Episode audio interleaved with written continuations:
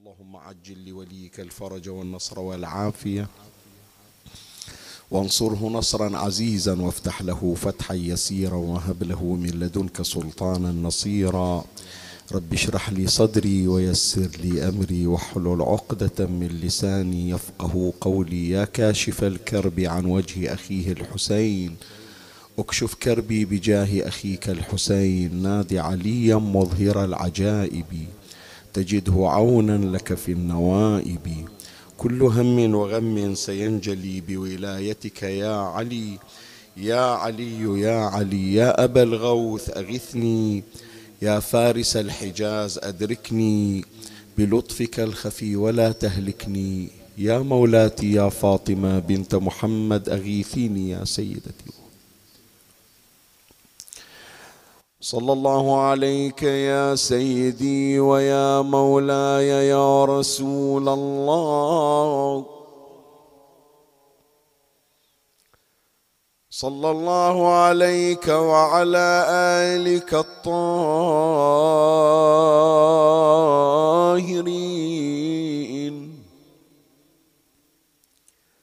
فاز من اعتصم بكم وأمن من لجأ إليكم. يا ليتنا كنا معكم سادتي فنفوز فوزا عظيما. في الماثور عن مسلم بن عقيل عليه السلام أنه قال لطوعة رحمها الله يا أمة الله ما لي في هذا المصر أهل ولا عشيرة. فهل لك في أجر ومعروف؟ ولعلي مكافئك بعد هذا اليوم.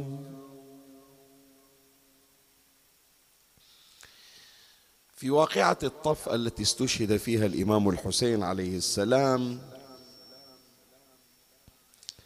وبمجرد مرورنا على تلك القصة الدامية نتوقف عند فصول مهمة لمجموعة من النساء كانت لهن أدوار بارزة جدا.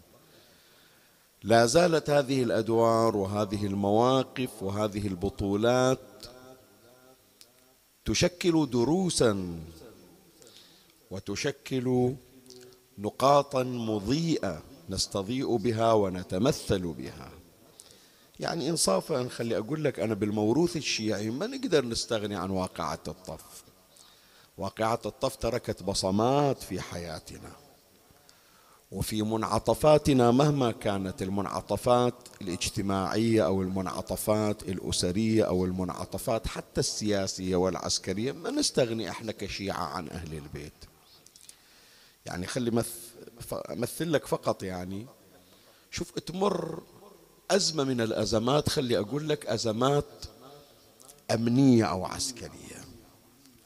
أضرب لك نموذج مثلا ما يجري مثلا في جنوب لبنان. حينما تتعرض إلى الاجتياح الصهيوني وهناك تهديد تهديد بالبقاء. فيطلب من الأم أن تقدم أولادا لها. ذول الأولاد قد تعلم بأنهم لن يعودوا إليها. منو مستعد أنه يقدم فلذة كبده يجي واحد يدق الباب يقول عندك أولاد اثنين ثلاثة يكون تقدمينهم تتطوعين بيهم حتى ندافع عن وطننا ندافع عن بلدنا. منو مستعد يسويها؟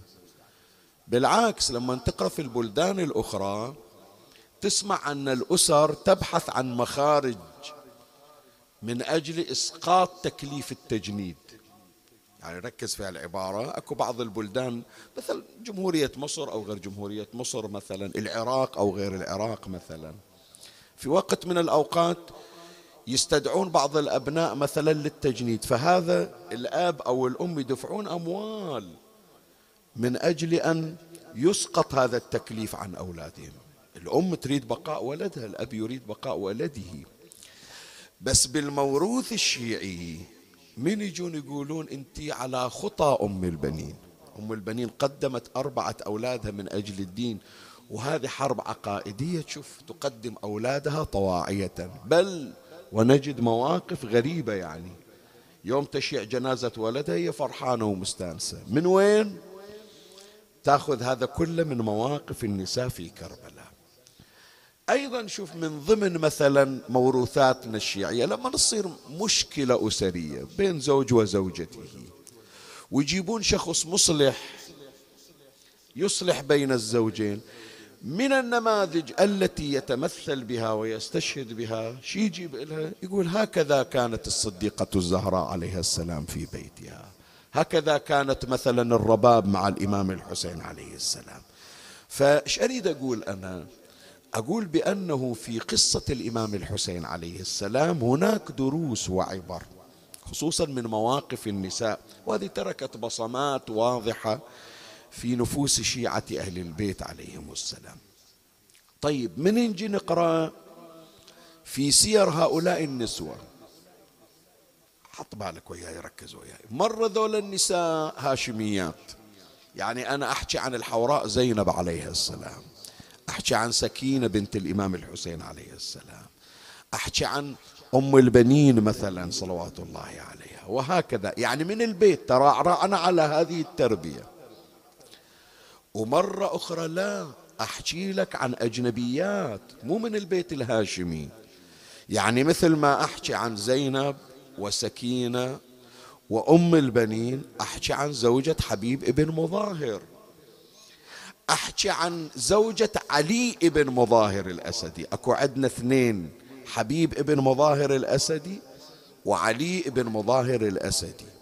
زوجة علي ابن مظاهر تيجي تاخذ عمود الخيمة تضرب راسها بعمود الخيمة وتقول ما أنصفتني يا ابن مظاهر؟ أيسرك أن يسلب إزار زينب وأنا أضع إزاري على رأسي؟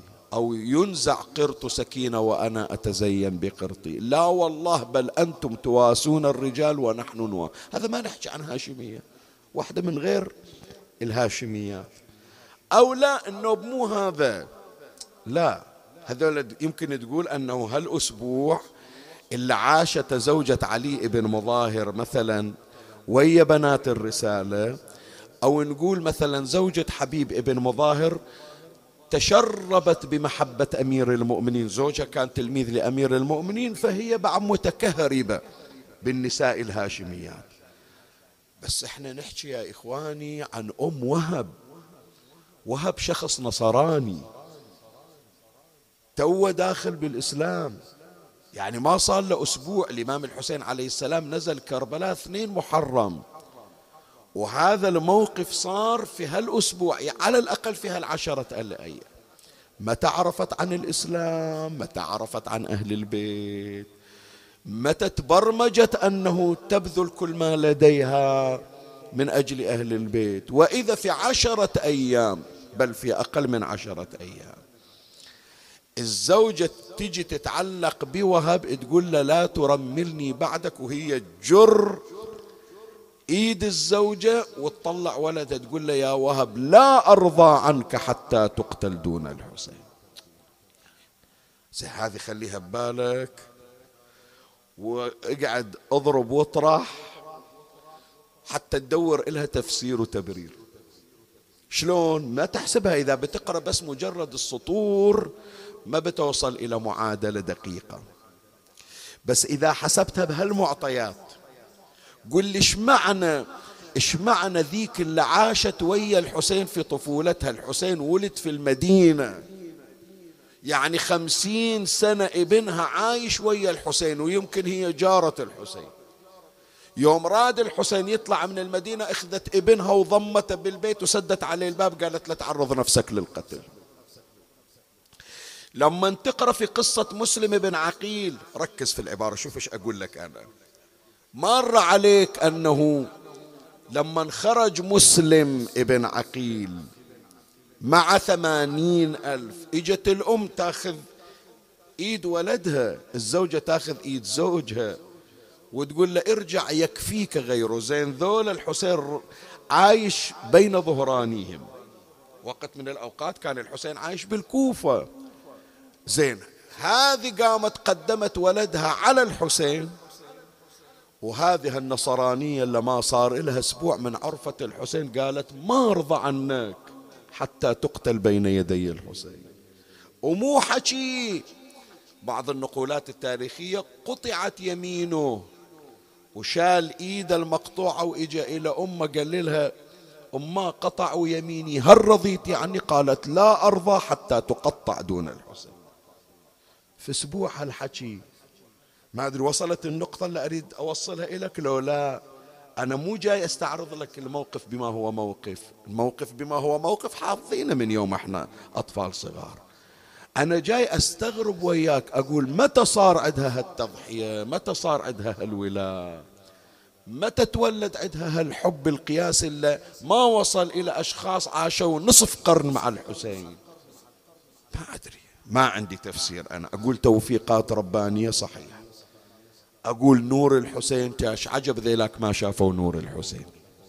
بس واقعا يا أحبتي أكو في قصة نساء كربلاء مواقف تستدعينا للوقوف والتأمل. هالدور أكو شيء أغرب أيضا. مرة تقول إيه نعم لو واحدة من نسائنا من بناتنا من خواتنا كن في تلك الساعة مع الإمام الحسين في كربلاء. وسمعنا صراخ أطفال الحسين وسمعنا كلام الإمام الحسين عليه السلام هم نصير مثلهم. فلهذا إحنا نقول فيا ليتنا كنا معكم فنفوز فوزا عظيما. يعني ذيك الساعة السويعات التي قضاها هؤلاء مع الإمام الحسين كان لها تأثير من نوع خاص. فاحنا نقول يا ريت تعرضنا إلى ذلك التأثير. حتى نكون على خطى أولئك الأبطال. لا أكثر من هذا. أكو نساء أصلا لم يحضرن كربلاء. ويمكن البعض من عندهن أصلا ما شافت الحسين عليه السلام بحياته يمكن أقول. بس لسنا من الحاضرات في كربلاء لكن نقرأ عنهن مواقف وبطولات كأنما وحدة يوم العاشر واقفة ويا الحسين. وتجاهد دون الحسين. وراح أستعرض لك الآن في بحثي لهذه الليلة. وإلي غرض من هذا المجلس الشريف ومن هذا البحث. مرة نقول فضة تدافع عن الحسين أم وهب تدافع عن الحسين أم الغلام التركي تدافع عن الحسين زوجة علي بن مظاهر تدافع عن الحسين. هذا تقول شافت الحسين وتأثرت. منو يشوف الحسين ذيك الساعة ويلزم نفسه؟ يا إخواني هم ناس كانوا بجيش عمر بن سعد ما لزموا أنفسهم ورجعوا صاروا ويا الحسين. فهذا نوعا ما مو مستغرب. المستغرب أن واحدة أصلا ما حضرت كربلاء وإذا مواقفها كأنما هي في كربلاء مع زينب ومع الحسين. وهذا ما سوف أبينه إن شاء الله في بحث هذه الليلة بعنوان كربلائيات لم يحضرن كربلاء. ليش سميناهن كربلائيات؟ مو يعني ساكنات بكربلاء لا. بس من نقول كربلائيات يعني مسجلات في واقعة الطف. من يقرون قصة كربلاء يجيبون ذكرهم. لكن مع ذلك ما كنا من الحاضرات في واقعة الطف وفي أرض كربلاء. لكن وثق التاريخ مواقفهن. أشير إلى ثلاثة من النماذج في بحث هذه الليلة ومن الله أستمد العون والتوفيق ومن مولاي أبي الفضل العباس المدد ومنكم ألتمس الدعاء وثلاثا بأعلى الأصوات صلوا على محمد وآل محمد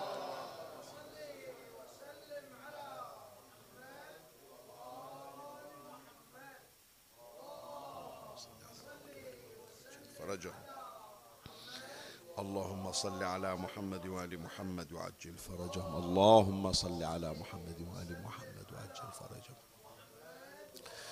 مولاي الكريم أنت حيثما كنت اسمعني وفرغ لي قلبك وأعرني سمعك وأقبل علي بكلك بحث هذه الليلة بعنوان كربلائيات لم يحضرن كربلاء أذكر ثلاثة نماذج تحت هذا العنوان نستفيد من حياتهن ونأخذ دروسا من مواقفهن. أما الكربلائية الأولى إلا ما حضرت كربلاء هي بالأساس كوفية لكن يطلق عليها كربلائية ولا يمر موسم عاشوراء حتى يأتي ذكرها طوعا التي أجارت مسلم بن عقيل. هذا طبعا بعد النموذج المتصدر. ما تتصور أنت يمر عليك عاشوراء ما يمر اسم طوعة لا وأنا أقول لك أيضا طوعة رحمه, رحمه الله فاقت حد التصور ما صارت مجرد حدث تاريخي. طوعة أثرت في الوجدان الشيعي بحيث ما يمر ذكرها كمجرد قصة عابرة من قصص كربلاء. اليوم جنابك روح شوف إيش سوت هالمرأة بموقفها. أكو حسينيات باسم طوعة أكو مضايف باسم طوعة. أكو اليوم عندنا بالموروث الشيعي قاموا الشيعة يسمون بناتهم طوعة تيمنا باسمها الشريف. والواقع هي شو مسوية؟ يعني كل اللي مسويته كاس ما قدمته إلى مسلم بن عقيل. لكن الصدق الحقيقي والإخلاص المنقطع النظير في محبة أهل البيت. شوف أدرجها الوجدان الشيعي من ضمن الأسرة الهاشمية. مثل ما يسمون بناتهم زينب وفاطمة وزهراء وسكينة صاروا يسموها طوعة لأنهم اعتبروها من خلال قصتها دخلت في البيت الهاشمي ولها شأن مثل ما راح مبين بس يا أحبتي أنا أقول لك ولا تزعل من عندي. ترى شخصية طوعة شخصية مظلومة. شرفك تقول لي إيش نعرف عنها أكثر من قصتها مع مسلم بن عقيل؟ صدق يعني إحنا غير كل سنة نقراها غير كل سنة نقرأ عن طوعة إيش نعرف عنها؟ على الأقل في نفس سيرتها شنو نعرف من حيثيات تاريخها؟ أنا الليلة أبين لك يعني في هذا الجزء تقريبا ثلث البحث راح أخصص عن شخصية طوعة حتى نتعرف عليها أكثر وأكثر وحتى نعرف ليش وصلت إلى هالمقام المميز. أولا اسم طوعة شنو يعني؟ الليلة إن شاء الله. عبر البث الافتراضي يمكن يسمع عنا بمجموعة من بناتنا وأخواتنا وأمهاتنا يمكن واحدة أو ثنتين أسماءهن طوعة. لو نسألها نقول لها طوعة يعني شنو؟ اسم طوعة يعني شنو؟ تفسير الاسم ما هو. إحنا البارحة ذكرنا معنى صقيل أم الإمام المهدي فسرنا الاسم.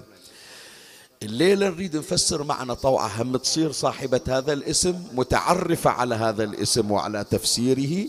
وهم إحنا باكر من نسمع اسم طوعة نعرف معناه شنو. طوعة مأخوذ من المطاوعة. ما تسمع يقول لك حديد مطاوع؟ إحنا أعطونا إياه بالمدارس يعني. أكو حديد مطاوع أو أكو حديد صلب. من يقولون حديد صلب يعني يحتاج إلى طرق وإلى صهر حتى يلين في اليد.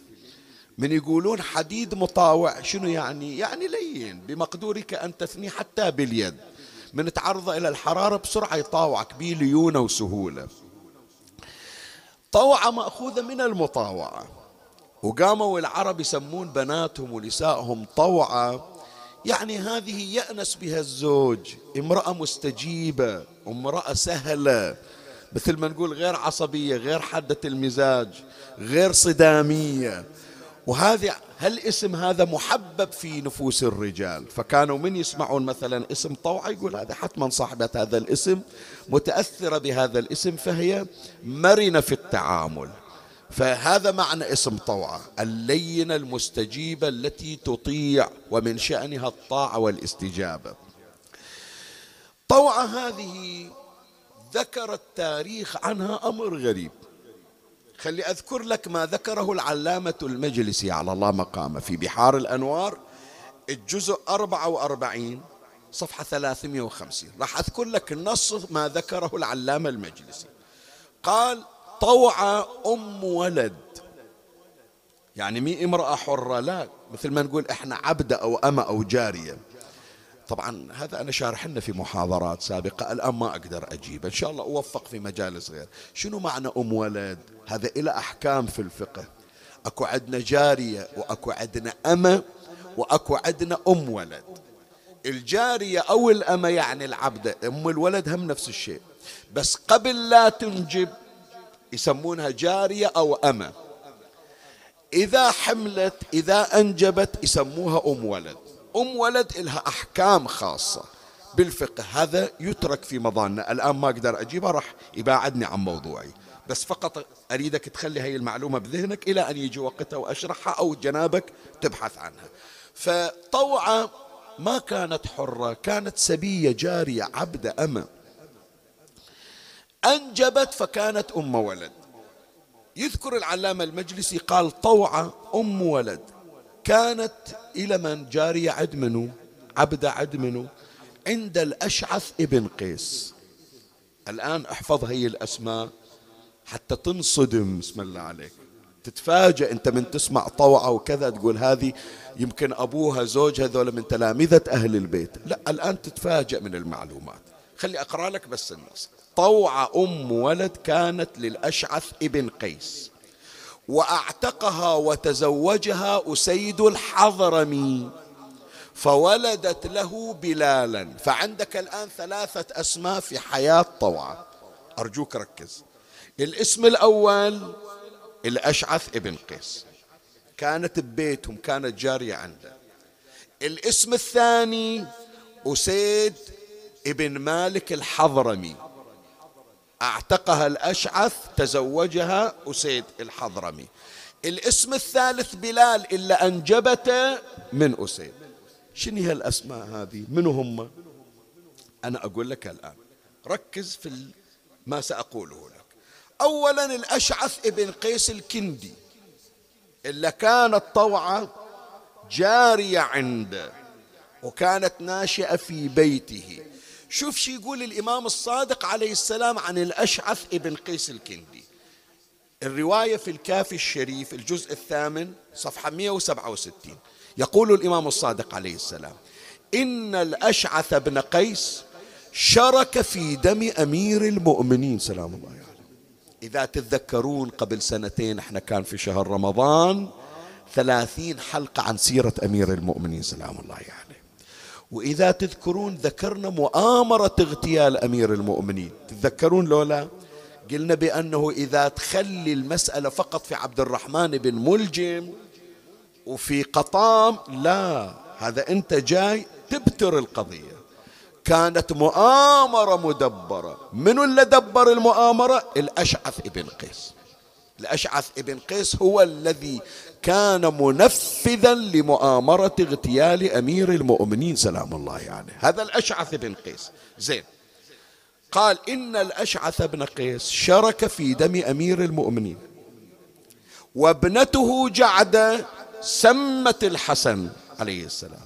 ومحمد ابن الأشعث ومحمد ابنه شرك في دم الحسين عليه السلام.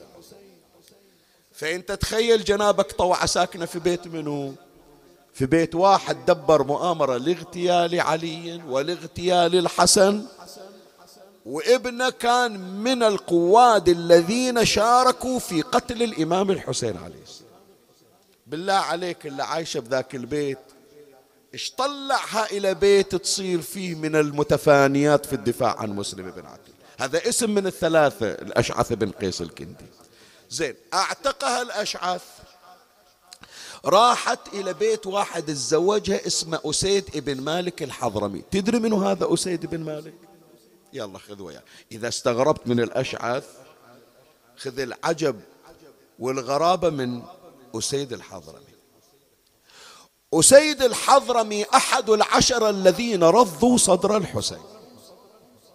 تدري لو ما تدري؟ هاي معلومة الليلة ضمها عندك حتى بعاشوراء أنا ما قاريها. ذاكر بس ما جايب هذا التفصيل.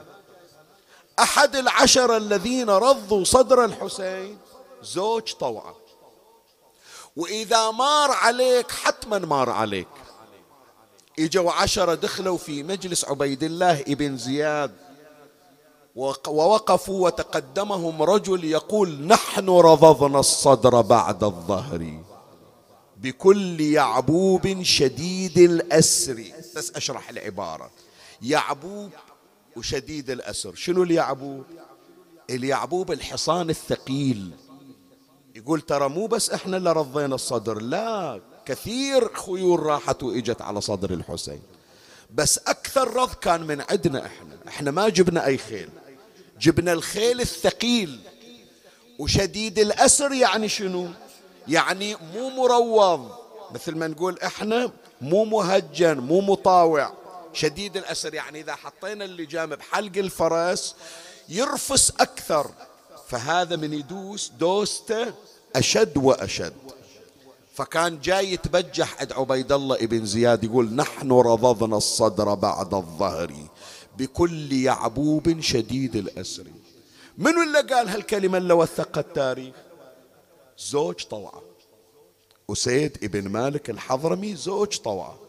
هو الذي تولى. وطبعا أكو تفصيل بالتاريخ ما أحب إني أنا أذكره يعني بس ارجع إلى كلمة أبو عمرو الزاهد في نسب هؤلاء العشرة. الآن ما أريد إني أنا أذكره بس هذا يضمون إلهم هذا الذي قال هذه الكلمة وتفاخر برض صدر الحسين زوج طوعة التي أجارت مسلم ابن عقل وأسيد ابن مالك الحضرمي زوج طوعة أول من قام بعملية نهب خيام الإمام الحسين عليه السلام. فأنت جنابك تخيل الآن طوعة كانت ناشئة في بيت من؟ وانتقلت إلى بيت من؟ هالدور جابت ابنها ابنها بلال ابن أسيد إلا كان أحد الذين أحد العشرة الذين رضوا صدر الإمام الحسين عليه السلام.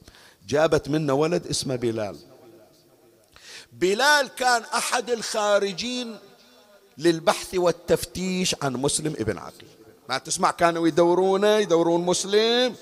مسلم كانت هناك كتائب وكانت هناك حملات تفتيشية تفتش عنه على رأسها بلال ابن طوعة. وهذا حصل مكافأة ما حصل عليها غيره من اللي كانوا يدورون على مسلم ابن عقيل شوف شي يقول آية الله سيد ذبيح الله. سيد ذبيح الله المحلاتي في كتاب فرسان الهيجة. هذا مصدر مهم في تراجم أنصار الحسين عليه السلام. شوف من قام يدور على مسلم ودرى بأن مسلم في بيتهم وإجا إلى عبيد الله ابن زياد يقول له البشارة يا أمير طلع على أبوه أسيد قال ليش عندك؟ يسميه يا شيعي.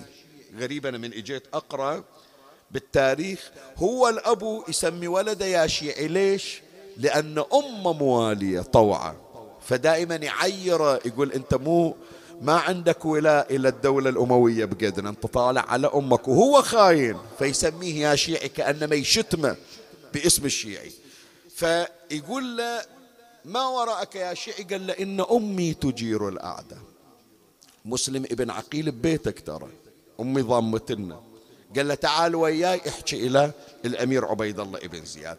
فإجا إلى ابن زياد قال له إن أمنا تجير الأعداء. شوف إيش عطاه قال وقد طوقه ابن زياد بطوق من ذهب وتوجه بإكليل من ذهب يعني حط عليه مثل التاج من ذهب وأركبه سابقا من الخيل وخلاه قائد على كتيبة من أجل قتل مسلم ابن عقيل. فهذول ثلاثة الأشعث ابن قيس الكندي وأسيد ابن مالك الحضرمي وبلال ابن أسيد. في هذه البيئة نشأ الطوع بس قل لي بشرفك هذا ينقص من قدرها شيء؟ لو لا يعطينا درس. اليوم واحدة من بناتنا لا تجي تتحجج تقول لي شيخنا لا تطالبني بعفة ولا تطالبني بحجاب ولا تطالبني بالتزام تعال شوف البيت اللي أنا عايشة فيه. ليجي واحد من أولادنا يقول شيخنا لا تلومني إذا شفتني ما عندي اهتمام بالصلاة وما عندي توجه إلى الالتزام. مو البيئة اللي عايش فيها. أبويا مثلا كذا وضعه أمي كذا وضعها أهلي هكذا ديرتي هكذا. هذه خليها الحادثة درس إلنا. التمرد على المحيط الفاسد. عم القلب النظيف يتحدى كل ظلام. القلب الذي يرزق نور الإيمان ونور ولاية محمد وآل محمد صلوات الله عليه. يبدد كل ظلام. خلى عمي هذا البيت اللي تشوفه الآن كله اسم الله عليكم وعلى أهل البيت ينطفي الكهرباء تنطفي. شامع. شنو شامعة؟ عود شبريت عود شخاط واحد. يضوي المكان. صحيح لو لا؟ فكيف بأنوارهم صلوات الله عليه يعني. لا تت... لا تعول على المحي والله شيخنا البيئة بيتنا ديرتنا مدرستنا ربعي جماعتي كذا هم اللي ساعدوني. صح عامل مؤثر لكن الذي يستعين بنور الله وبأنوار أهل البيت النور يبدد الظلمة. ولا تأخذ مثل من الأشعث ولا من أسيد ولا من بلال. انظر ماذا صنعت طوعة في تلك البيئة النجسة الفاسدة. ترى كلهم تخلوا عن مسلم ابن عقيل. لكن هذه المرأة النظيفة الطاهرة طلعت هي جوهرة الكوفة. وإلى الآن أهل الكوفة رافعين رؤوسهم بهذه المرأة أنها منهم. هذا واحد من النماذج لامرأة واقعا سجلها التاريخ من ضمن قصة كربلاء فصارت كربلائية وهي لم تحضر كربلاء. هذا الموقف أو النموذج الأول. النموذج الثاني زوجة ميثم التمار. الآن واحد يقول لي شيخنا جابها زوجة ميثم التمار؟ لها علاقة بكربلاء. لا راح تسمع الآن موقف يضاهي موقف طوع بس معلومة الليلة راح أذكرها لك الليلة أحاول أنه كلها معلومات جديدة أول مرة تمر على مسامعك. بس راح أسألك رد علي. مسلم ابن عقيل بعد أن قطع رأسه وألقي بجثمانه الطاهر من قصر الإمارة إيش سووا بأهل الكوفة؟ منو يقول لي؟ شنو؟ خلي أسمع. أحسن جروه بالحبال سحلا. كان وياه واحد ثاني من تروح مسجد الكوفة تزورهم اثنينهم من هو؟ أحسن ثاني ابن عروة أحد الصحابة وأنصار الحسين. ذول اثنينهم جروهم بالحبال. شو تقولون؟ جروا وياهم واحد ثالث؟ لو بس دول الاثنين. انت لما تروح مسجد الكوفة يا أهل الكوفة تسمعونا ويانا عبر البث. من تروحون مسجد الكوفة أكو قبر قبرين. طبعا المختار ما كان بذاك الوقت موجود.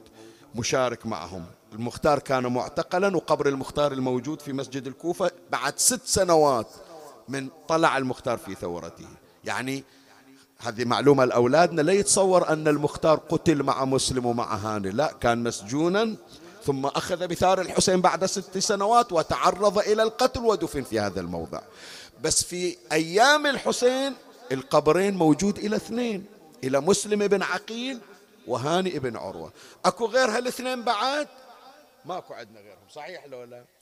الآن تسمع بأن الذي تم جرهم بعد قتلهم وقطع رؤوسهم مو اثنين ثلاثة. وهذا واحد من أنصار الحسين المغيبين.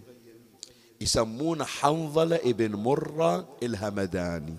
شنو قصته؟ راح أقرأ لك الآن قصته. وشنو علاقة زوجة ميثم التمار؟ راح يمر علينا الآن. حتى تذكرها يا أهل الكوفة تذكرونها لأنها أسست لكم مراكز للزيارة ولقضاء الحوائج. خلي أنقل إليك القضية مثل ما يذكرها الشيخ المازندراني. أعلى الله مقامه في معالي السبطين عن كتاب قبسات الأشجان للشيخ درويش علي البغدادي. هذا واحد من علمائنا وكتابة جدا مهم. يذكر الشيخ المازندراني في معالي السبطين صفحة 229 قال لما قتل مسلم وجرى عليه ما جرى ربطوا برجله حبلا وجروه في أسواق الكوفة. قال الشعبي فمر به رجل أعرابي ركز فمر به رجل أعرابي من أهل واقصة منطقة يسمونها واقصة يقال له حنظله ابن مر الهمداني وكان من شيعة علي بن أبي طالب وهو راكب على مطية. فقال ويلكم يا أهل الكوفة ما فعل هذا الرجل الذي تفعلون به هذا الفعال؟ يعني حتى لو قاتلوا يستحق القتل خو قطعوا راسه ودفنوه. ساحبينه وتضربونه بالعصي وترجمونه بالحجارة وتدورون به من شارع لشارع ومن زقاق إلى زقاق. شنو؟ أصلا التمثيل حرام ولو بالكلب العقور شو مسوي هذا؟ قال ما, مص... ما فعل هذا الرجل الذي تفعلون به هذا الفعال. فقالوا هذا خارجي. خرج على الأمير يزيد ابن معاوية. فقال يا قوم بالله عليكم ما يقال له؟ وما اسمه؟ عرفوني منه هذا؟ قالوا هذا مسلم بن عقيل ابن عم الحسين عليه السلام. فقال ويلكم إذا علمتم أنه ابن عم الحسين فلم قتلتموه وسحبتموه على وجهه. شوية بس عمي أنا هذه في أثناء تحضيري وكتابتي إلى الرواية. أريدك تشاركني هذا الإحساس.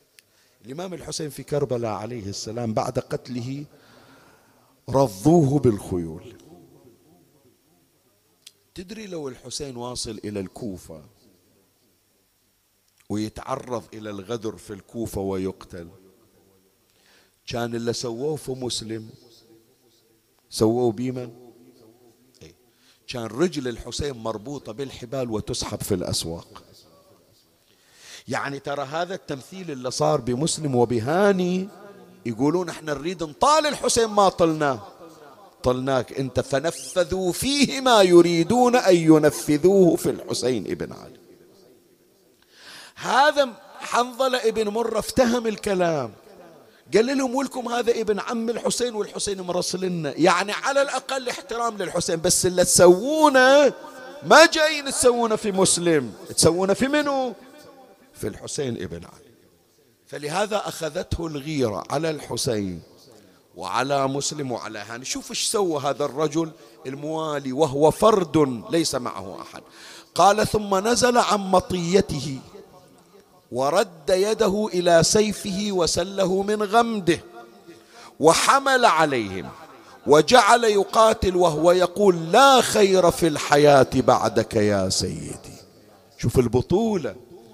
شوف التضحيه شلون؟ لا خير في الحياة بعدك يا سيدي. ولم يزل يقاتل حتى قتل أربعة عشر رجلا وهو وحده ما ويا أحد. فتكاثروا عليه حتى قتل وعجل الله بروحه إلى الجنة.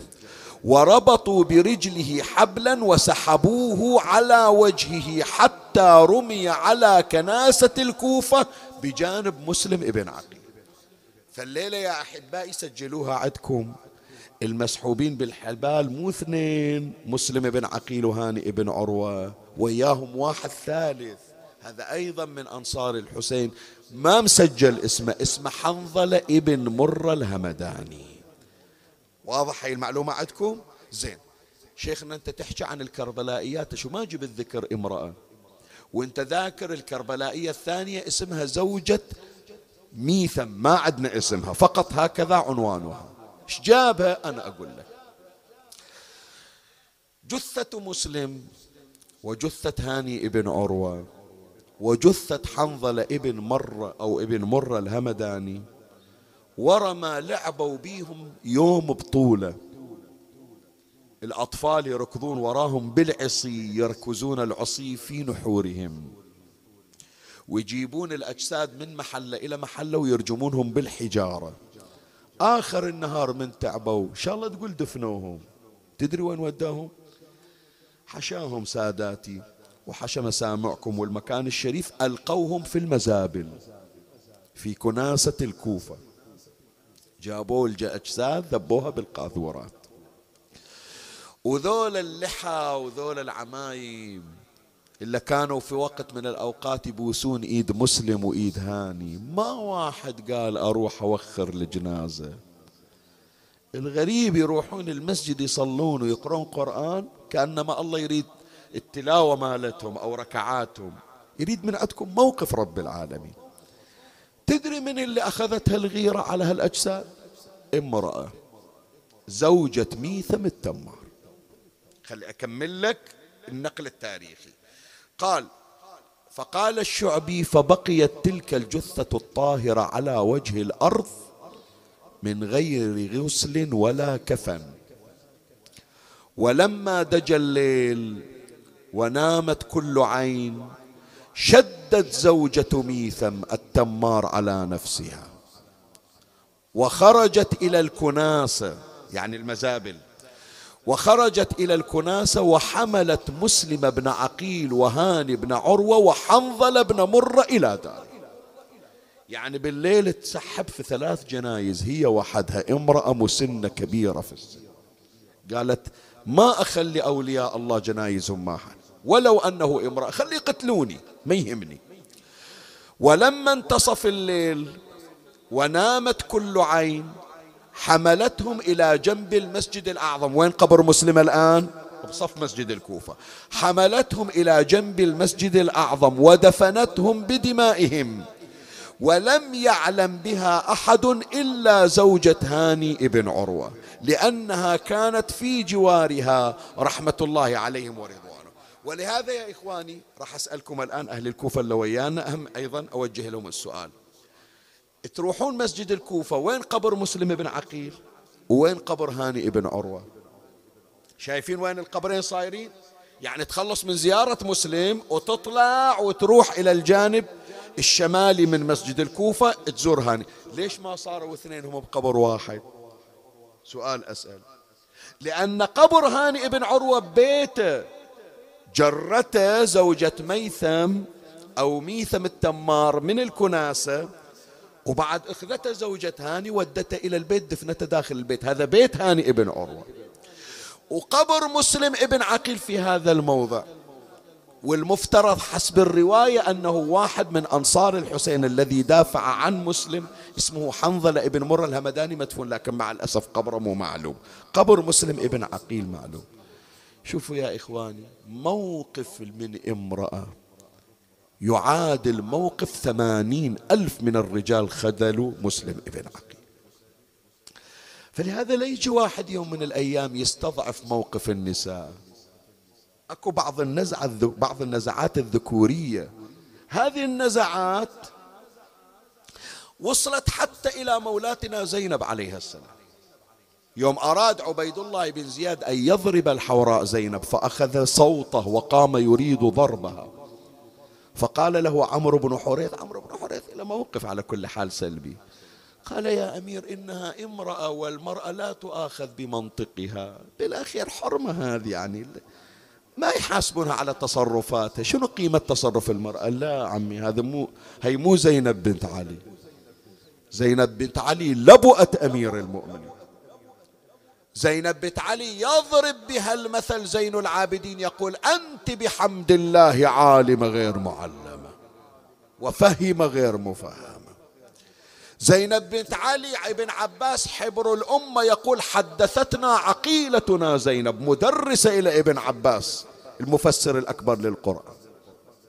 المرأة واقعا تصدر منها مواقف تعادل مواقف آلاف من الرجال ولو كان الرجال ولو كان النساء كمثل هذه لفضلت النساء على الرجال. فيا أخواتي يا بناتي تقولين والله ما مطلوب من عندي أنا بالأخير بنية بالأخير مرة لا المرأة تكون صاحبة مواقف. يعني ما عندي وقت وإذا كنت أتوسع بهذا الأمر.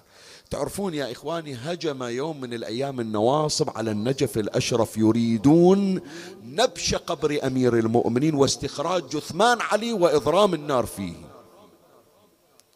وسدوا سور النجف ووقفة الرجال الدافع. روح اقرأ بالتاريخ. اقرأ بكتاب دكتور علي الوردي لمحات من تاريخ العراق الاجتماعي. اقرأ. ماضي النجف وحاضرها جعفر محبوب. هي كلها مصادر مهمة.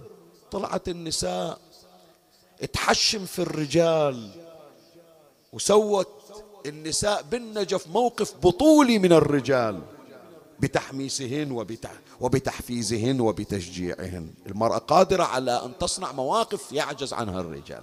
هذا نموذج كربلائية ثانية. النموذج الثالث وهو ختام المجلس هذه مظلومة يا إخواني ما حد يذكرها. وحقك يعني ما حد يذكرها. ولا ندري شنو اسمها.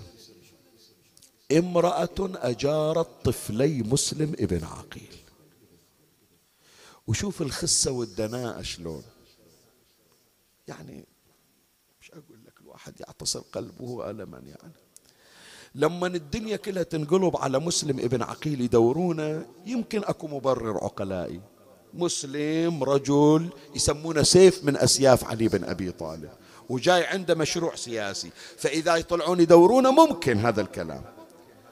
بس بشرفك أطفال اثنين واحد عمره سبع سنين والثاني عمره ثمان سنين الدنيا كلها تدورهم.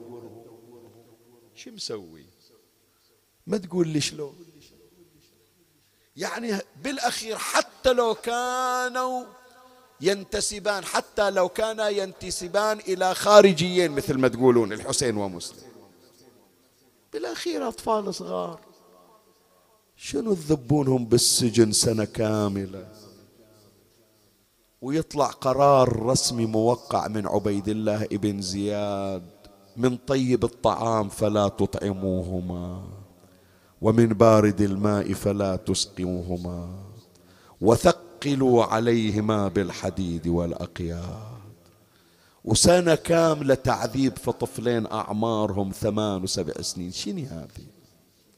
زين. حن السجان عليهما. اسمه مشكور.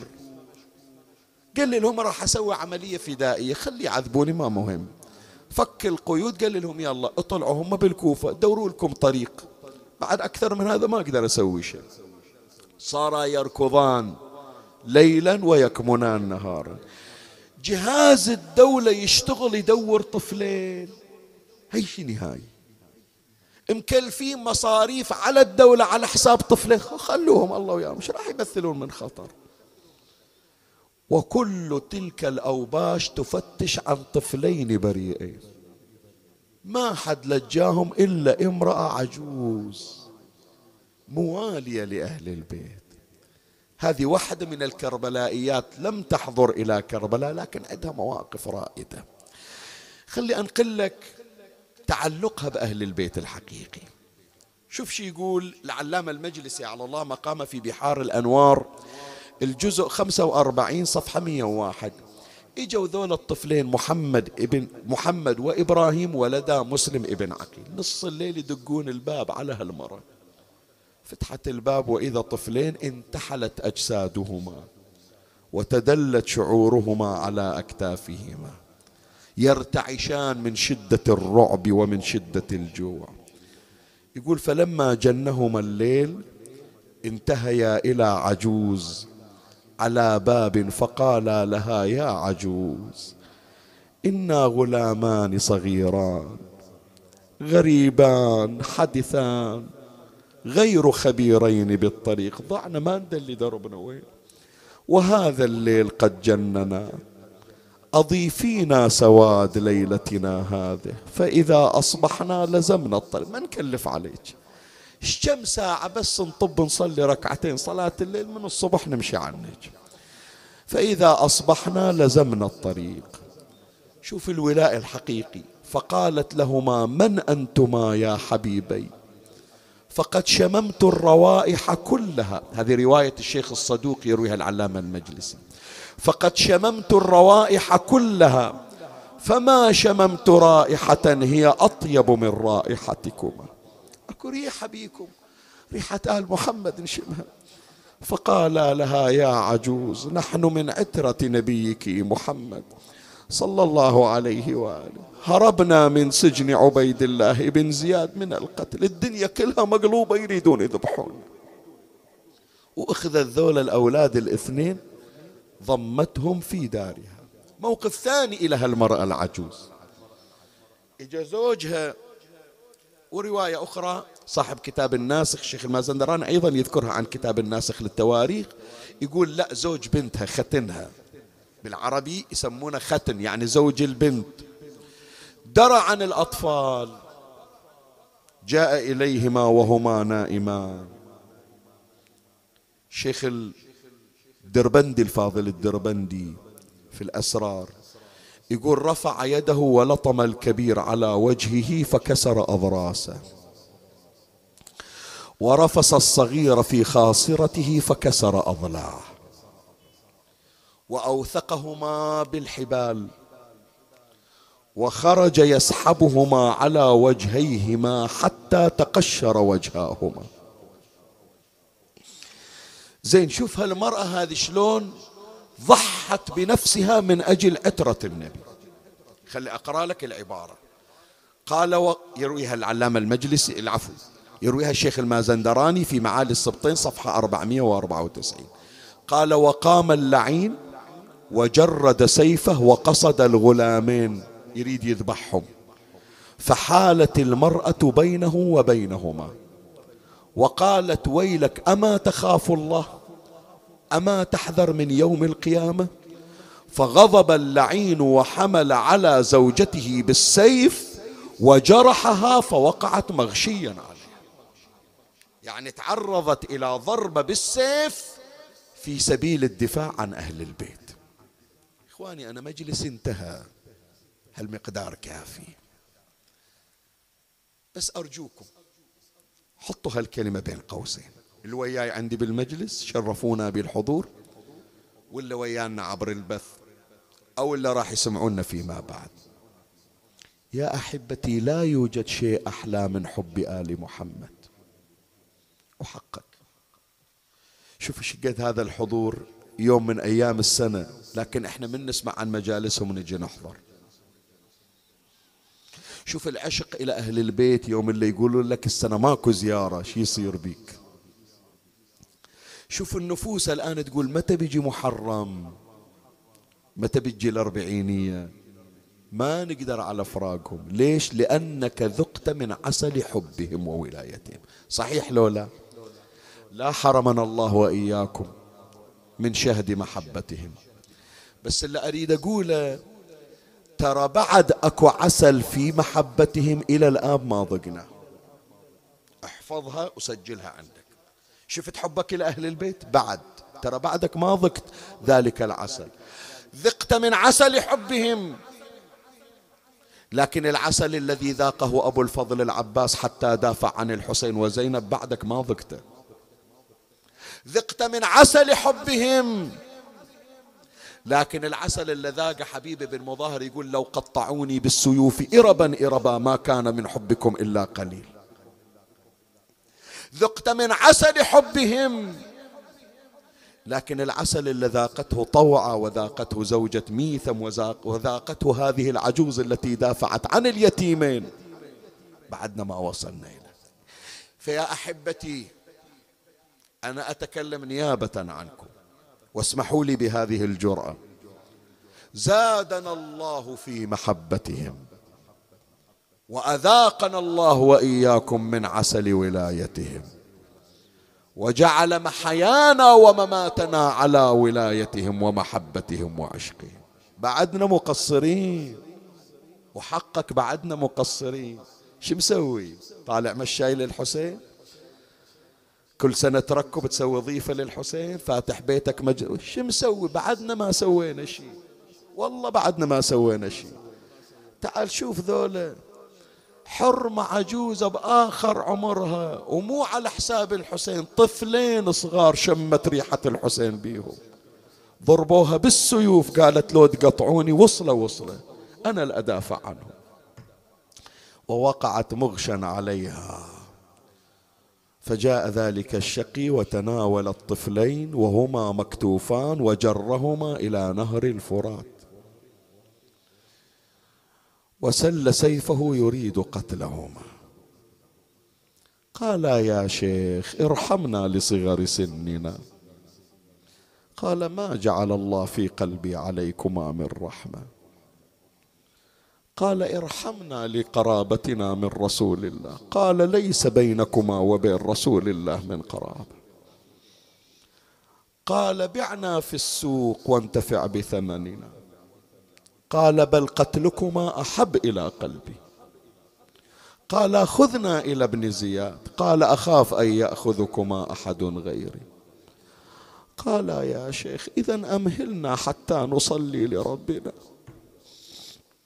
قال صليا إن نفعتكما الصلاة.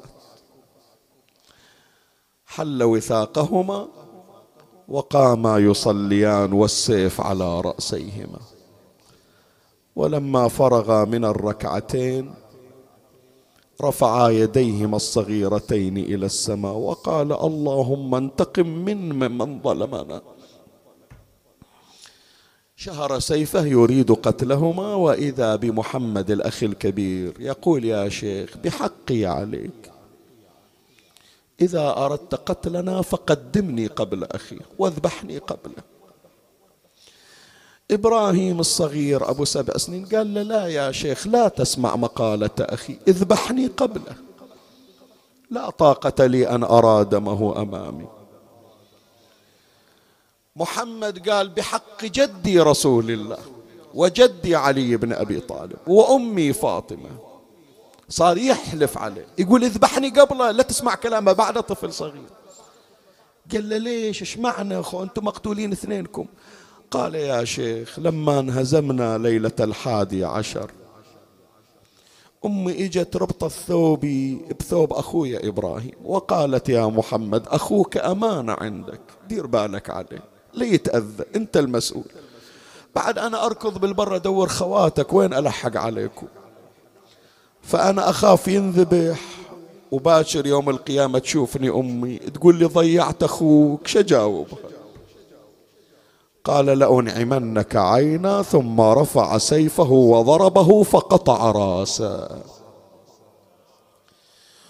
ووقع أخوه إبراهيم عليه وهو يقول أخي لمن تركتني؟ وين أروح؟ بهالبر بين هالعدوان من لي بعدك يا أخي؟ فقال له لأنعمنك عين. ثم رفع راس سيفه وضرب الصغير على رأسه فقطع رأسه. وأخذ الجسدين وألقاهما في نهر الفرات وحمل الرأسين من شعريهما.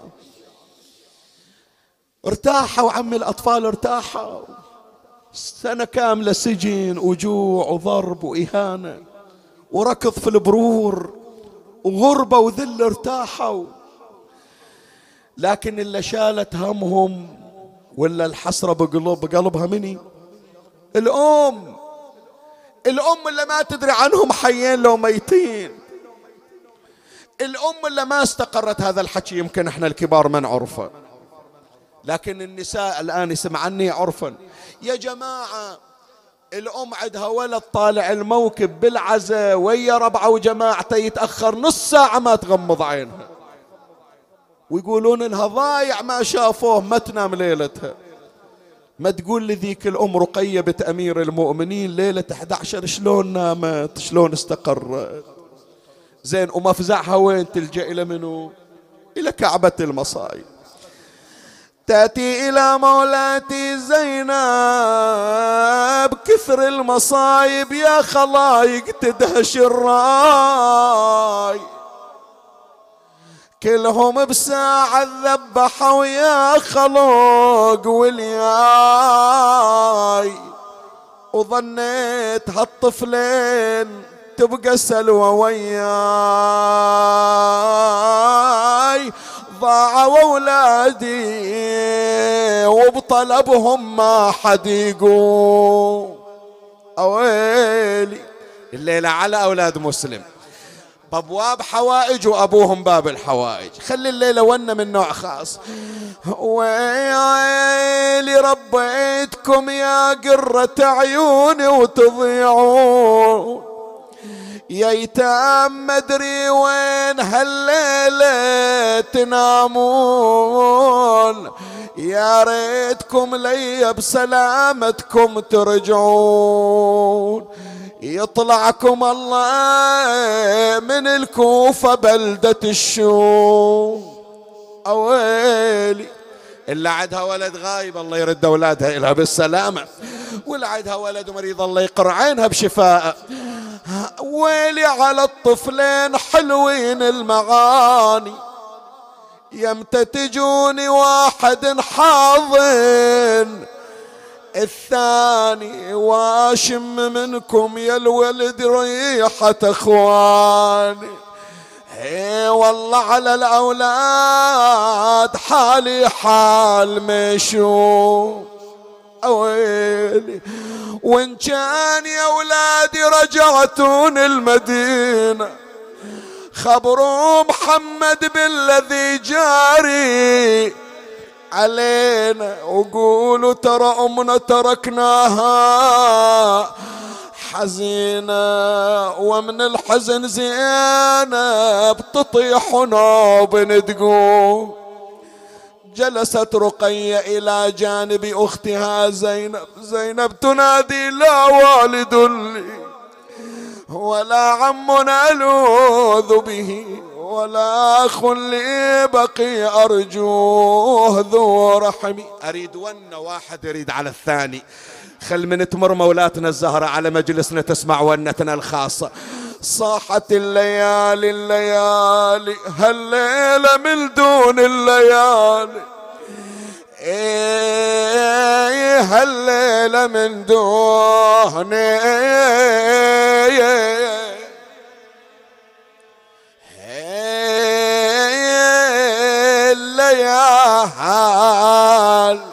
عفي عليكم. إي والله هالشكل الونه الليالي ضاعت يا أبو سكنة عيالي. ضاعت يا أبو سكنة.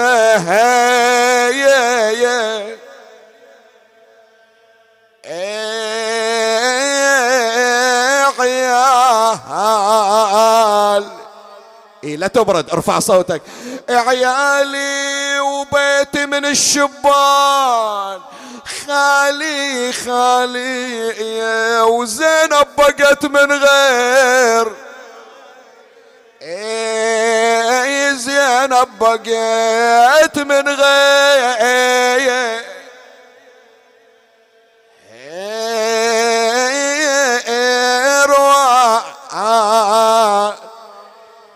كلنا نحفظ هذا البيت وكلنا نقرب هذا الطور. أمس المساء والنار ما خلت لنا خيار. صيوان ما ظل تلتجي بفيا هليت. أنت تقرأ البيت. أظلم علي الليل وين عفي عليكم. ما أشوف غير ايتام تصارخ بدهش وين إخوانك شيخ العشيرة حسين ما؟ مطروح وبجنبه علي الأكبر وجسام بقيت محيرة وصفق بليده لا عباس ظل عندي. وحائرات أطار القوم أعينها رعبا غدات عليها. خدرها هجموا اللهم صل على محمد وآل محمد. بك يا الله بمحمد بعلي بفاطمة بالحسن بالحسين بعلي بمحمد بجعفر بموسى بعلي بمحمد بعلي بالحسن بالحجة ابن الحسن. بجاه مولاتنا أم البنين بجاه ولدها كاشف الكرب عن وجه أخيه الحسين بجاه الحوراء النساء زينب أخت الحسين بجاه رقيه بنت الحسين بجاه باب الحوائج مسلم بن عقيل ابن عم الحسين وولديه اقض حوائجنا يا الله. فرج عنا وعن المسلمين اكشف هم المنكوبين اللهم فرج عن إخواننا في فلسطين وسائر المسلمين يا رب العالمين. عجل اللهم فرج إمامنا صاحب العصر والزمان. شرفنا برؤيته وارزقنا شرف خدمته. ترحم على أموات وأموات الباذلين والسامعين والمؤمنين سيما من لا يذكره ذاكر ولا يترحم عليه مترحم. أوصل لهم جميعا ثواب هذا المجلس الشريف. وبلغهم ثواب الفاتحة مع الصلوات.